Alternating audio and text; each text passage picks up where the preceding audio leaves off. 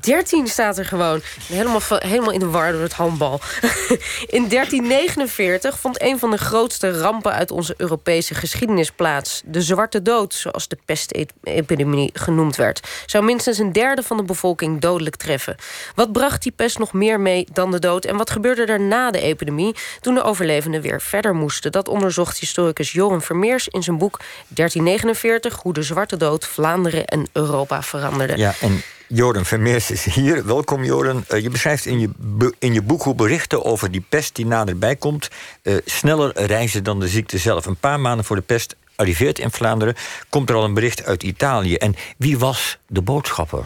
Um, wel, de berichten uit Italië die waren eigenlijk gewoon via handelaren gekomen... maar uh, de echte tijding van het onheil kwam niet uit Italië, maar uit Avignon uit een, van de hand van een Limburgse uh, priester die werkte voor de pauselijke curie. Uh, Avignon was in die periode de pauselijke hoofdstad. Ja, we hadden er toen een paar. Ja. ja, we hadden er toen inderdaad een paar.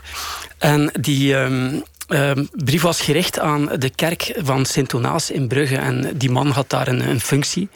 En die wilde zijn, de, zijn Brugse broeders waarschuwen voor het onheil. En hij deed dat eigenlijk uh, op een psychologisch niet zo verstandige manier. Want de eerste uh, alinea's van zijn brief betreffen een verslag in geuren en kleuren van de symptomen van de ziekte, die uh, mij als onderzoeker, toen ik het uh, perkament las, uh, echt naar het hart greep. Dus ik kan me wel goed voorstellen.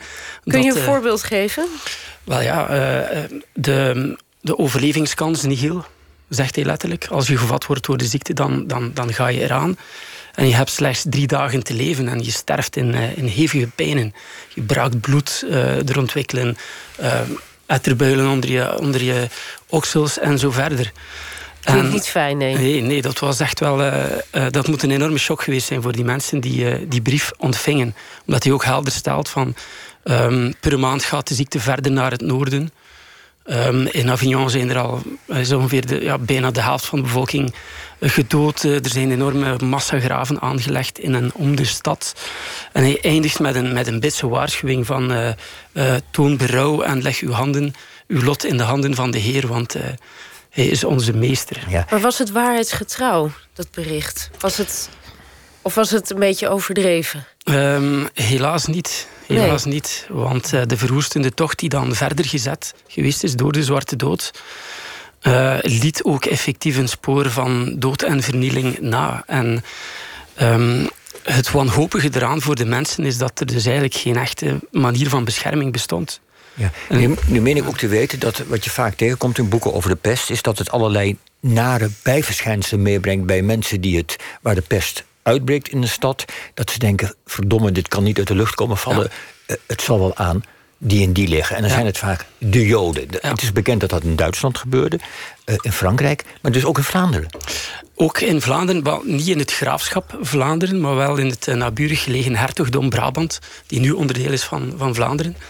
Um, er zijn um, berichten over um, vervolgingen in Antwerpen, maar vooral in Brussel. En daar is een zeer levendige, uh, levendig verslag van bewaard van de hand van een uh, abt uit Doornik.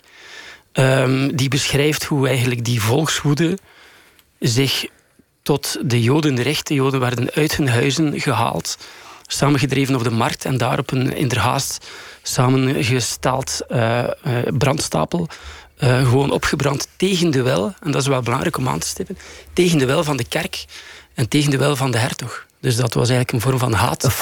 Die vanuit de bevolking kwam. Ja. Maar nu zeg je iets wat. Ja, ik, ik denk er even op door om, om de simpele reden dat. Als die pest uitbreekt, gaat er ook iets gebeuren met bestaande machtsverhoudingen. Want je zegt al tegen de wil van de kerk, tegen de wil van de hertog. En ik meen ook te weten. Of dat is het dan ook zo dat zeg maar, diezelfde burgerij, dezelfde volk, dat er ook meer invloed en macht weet te krijgen? Veranderen economische en sociale verhoudingen wezenlijk? Ja, wel, um, de de Zwarte Dood heeft echt eh, de middeleeuws Europa door elkaar geschud als een deus ex machina. Um, de, de, de, maatschappelijke orde voor de Zwarte Dood die was heel stabiel. Drie klassen. De, clerici, de adel en het gewone volk. En uh, de Zwarte Dood die heeft eigenlijk gezorgd voor een, een, economische revolutie. Arbeid werd plots zeer schaars. Terwijl het werk wel moest gedaan worden. De adel zocht arbeiders.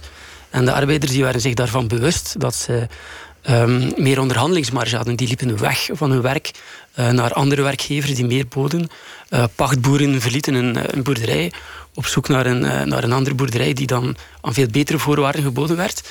En we zien ook um, door deze evolutie dat de, de pachtprijzen ongeveer gehalveerd zijn in een periode van tien jaar na de Zwarte Dood. En dat was natuurlijk niet naar de zin van adel en uh, kerk en de staatsmacht. En in die periode vielen die drie eigenlijk nog samen. En lieten ze dat zomaar gebeuren? Nee, dat lieten ze niet. Er is een golf van um, anti, ja, antisociale wetgeving over Europa gerold. Dat begon in Sicilië.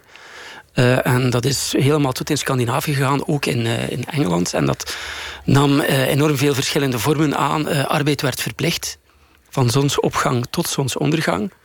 Um, aan het tarief van voor de Zwarte Dood wel te verstaan. Um, daar stonden een hele, ja, toch wel zware fysieke straffen op. In Engeland was dat zelfs brandmerking.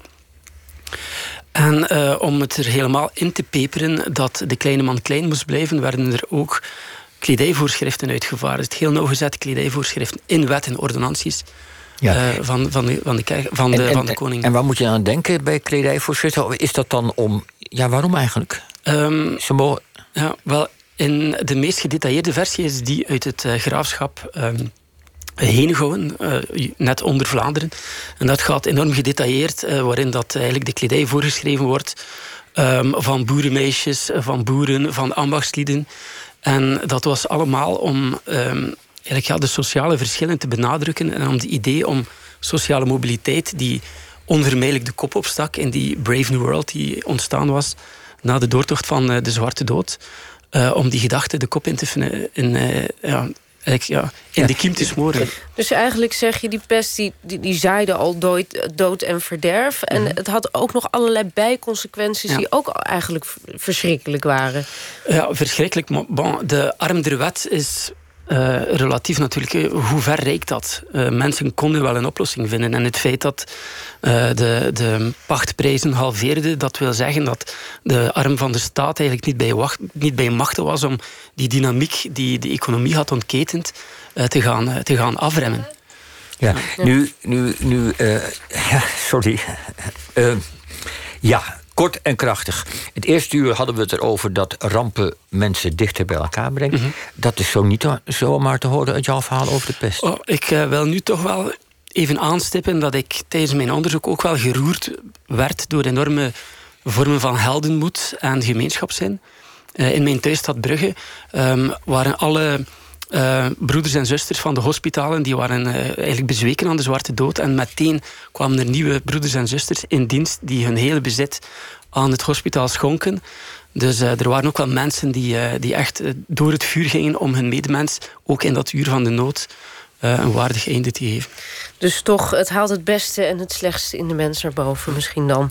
Hartelijk dank, Joran Vermeers. Um, lees vooral het boek, er staat nog veel meer in. 1349, hoe de Zwarte Dood Vlaanderen en Europa veranderde. En het is uitgegeven bij uitgeverij Vrijdag. Hartelijk dank.